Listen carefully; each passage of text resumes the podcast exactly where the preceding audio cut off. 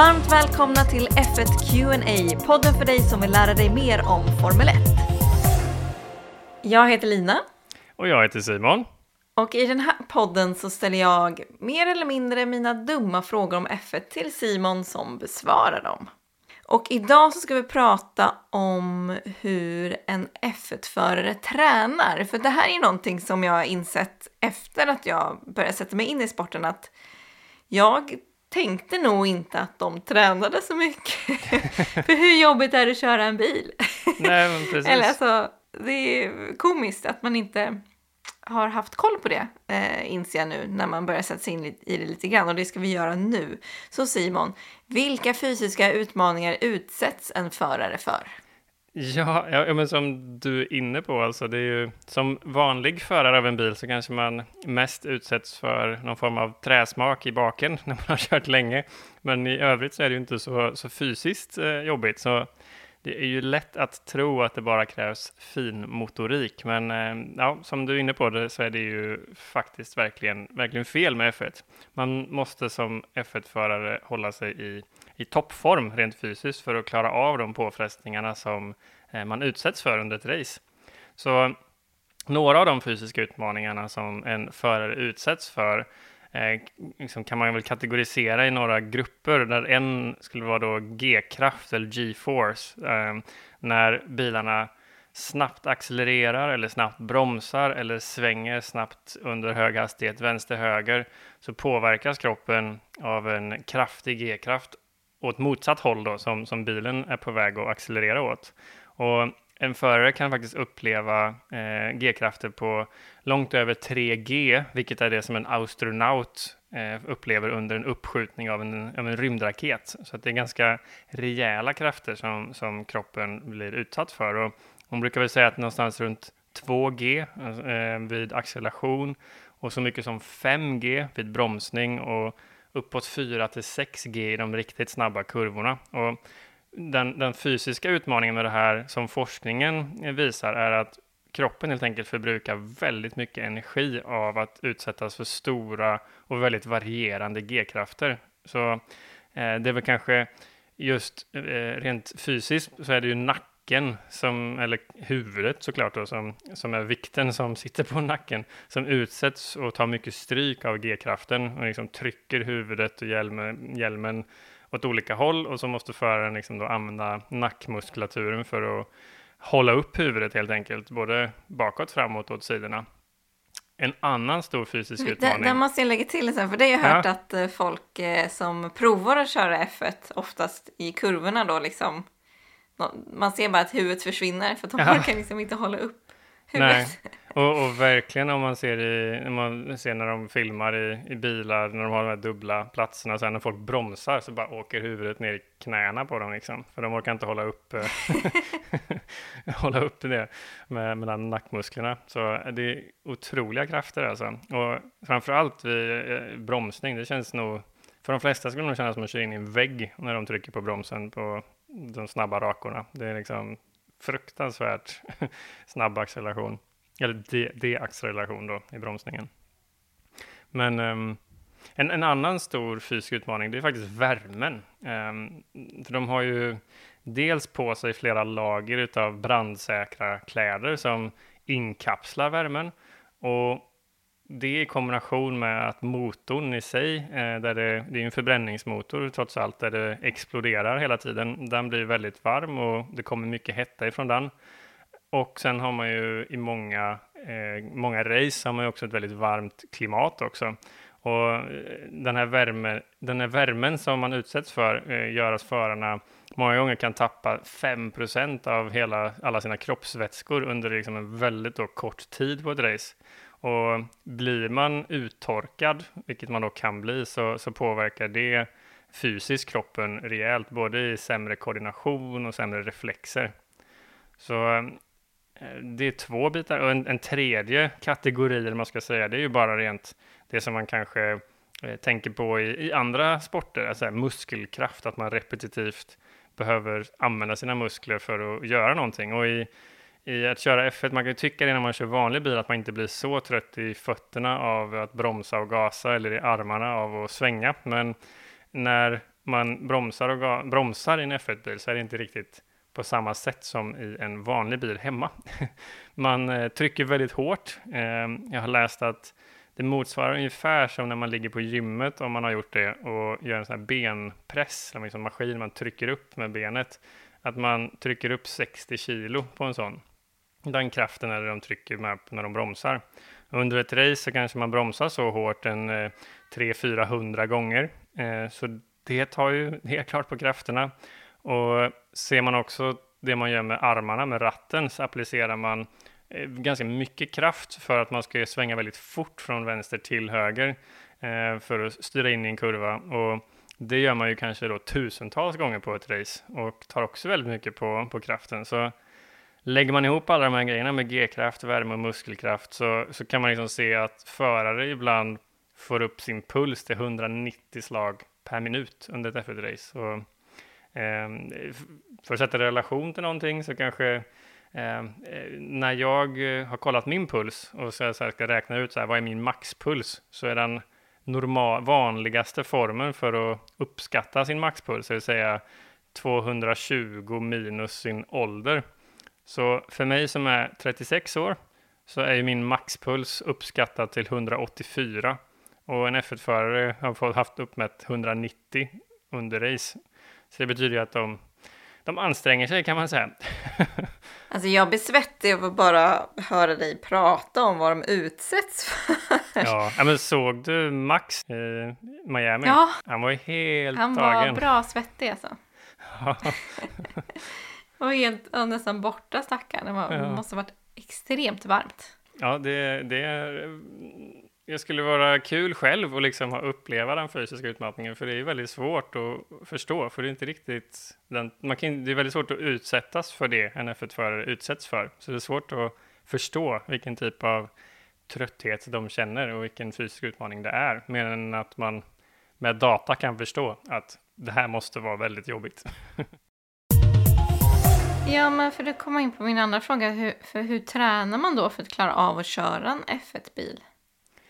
Ja, så det finns ju inte ett sätt som alla tränar efter, men man kan väl säga att i regel så tränar man mycket på, på uthållighet eh, eftersom att racen ändå är en och en halv, två timmar. Eh, och sen tränar man då framför allt core och nackstyrka, men såklart även mental uthållighet faktiskt för att kunna hålla, hålla huvudet kallt liksom.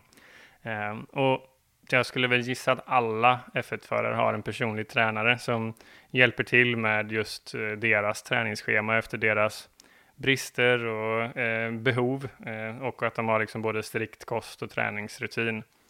Men eh, du, du, nämnde också att det är inte bara muskler man behöver. De har Nej. ju rejäla nackar de flesta av dem. Ja, Men eh, det är även reaktionsförmågan måste de ju ha för att mm. Kunna tajma in allt som har med det att göra. Ja, helt rätt. Både reaktionsförmåga och eh, liksom öva upp periferisikt, alltså att om du tittar på någonting rakt fram, att du ändå kan uppfatta vad som händer i, på sidorna, eh, för att du behöver vara Ja, du, när du kör så behöver du kolla på vägen, men du måste ju veta om någon kör upp vid sidan av dig och du behöver vara väldigt, väldigt snabb på att reagera om så, så är fallet. Och, eh, jag har läst att, en, eh, att F1-förare i snitt har en reaktionstid på ungefär 100 millisekunder jämfört med typ oss normala människor som har ungefär tre gånger så lång reaktionstid på 300 millisekunder.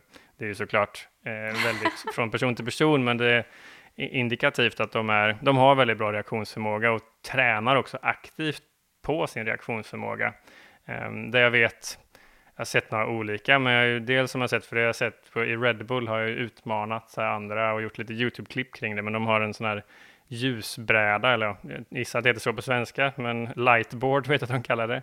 Eh, det är som en maskin eller som ett nästan arkadspel som eh, tänder olika lampor som man ska trycka på och det övar både periferiseende och eh, eh, reaktionsförmåga.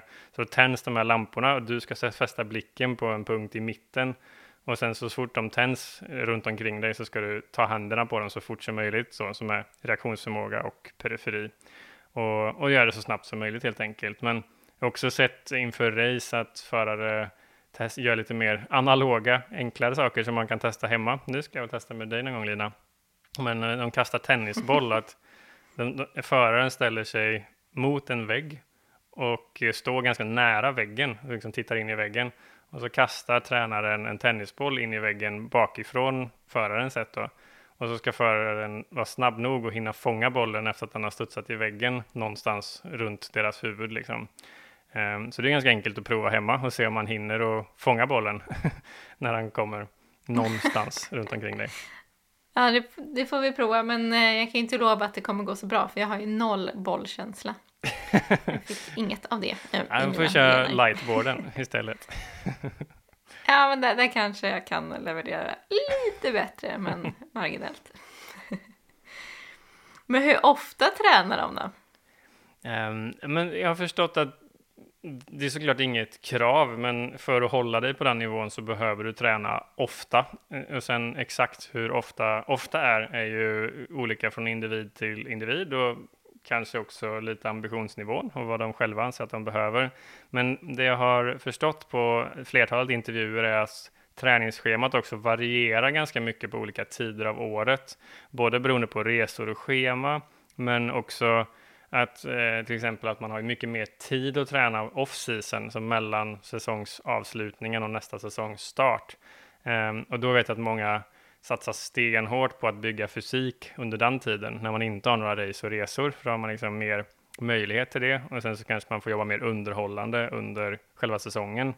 Um, och jag vet att uh, som exempel att Bottas vet jag sa att uh, på vintern så tränar han sex fyspass i veckan. Så det är ju ganska mycket. Men um, Ricciardo sa ganska nyss i en artikel om just hans träning och diet att um, han eh, tränar de flesta dagarna eh, och att det liksom är blandat mellan cardio och högintensiv intervall och styrketräning och core och ja, egentligen lite allt, allt blandat och till och med att han tränar en del yoga och annat för att träna på flexibilitet och uthållighet. Så ja, jag skulle säga att eh, du behöver träna väldigt mycket.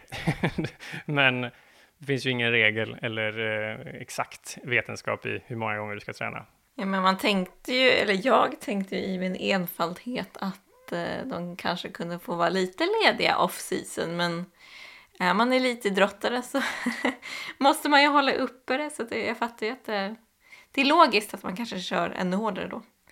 Ja. Mm. Väldigt intressant ändå. Wow. Men vi får försöka hitta lite, um, lite klipp eller något som vi kan lägga ut på det vi har pratat om. Eh, ja. Hur de tränar, för det, de lägger ut det ofta på sina Instagrams eller i ja, teamens Instagrams. Så vi, vi borde kunna hitta något på den här lightboarden och visa hur den ser ut. Den är ju lite special. Precis, och de här, um, man har ju sett eh, nu när jag börjat följa det att eh, de liksom fäster någonting på huvudet och sen ska de hålla emot Eh, de tränar med sin tränare som liksom drar för kung och fosterland ska de försöka hålla emot. Just för att då inte träna upp nackmusklerna. Det ser väldigt roligt ut tycker jag. Så det får vi försöka hitta så det kan, du som lyssnar kan hitta det på vår Instagram eller på vår Twitter och där heter vi F1QNA. Så där kan ni gå in och kika i samband med att ni lyssnar på det här avsnittet. Så hoppas jag att vi har något mer att leverera. Det har vi pratat om ja. i alla fall. Det kommer vi ha ja, jag vet att jag har sett massa sådana klipp, så det, det ska vi lyckas lösa. Mm. Men eh, jag tänker att vi, vi avrundar det här programmet för eh, den här gången. Och så hoppas jag att du som lyssnar fått med dig någonting av det jag har lärt mig. En del, absolut, speciellt att ja, det låter tufft att vara F1-tränare, eller F1-förare framför allt. Eh, jag vet inte om jag hade pallat det. Hade du pallat det? Det vet jag inte. Det hade varit kul att, att få prova, men eh, det vet jag inte om. Men jag vet inte om man hade klarat det. det. Det krävs nog väldigt mycket. Du är ju lite mer extremsportare än vad jag är, så det, du hade säkert fixat det bara hade lagt manken, på, manken i, manken i, manken på, manken i, tror jag man säger. ja, jag vet inte, men eh, ja, hade man fått chansen att, att, prova så hade man ju velat se om man orkade det, men eh, det är ju svårt. Ja, att, verkligen. Att En dag kanske. Vi får se. Vi får se. Men eh, på återhörande då Simon och eh, till alla våra lyssnare så eh, släpper vi snart ett nytt avsnitt som ni får lyssna på. Det Ha det så fint! Ha det så bra. Hej då. Hej!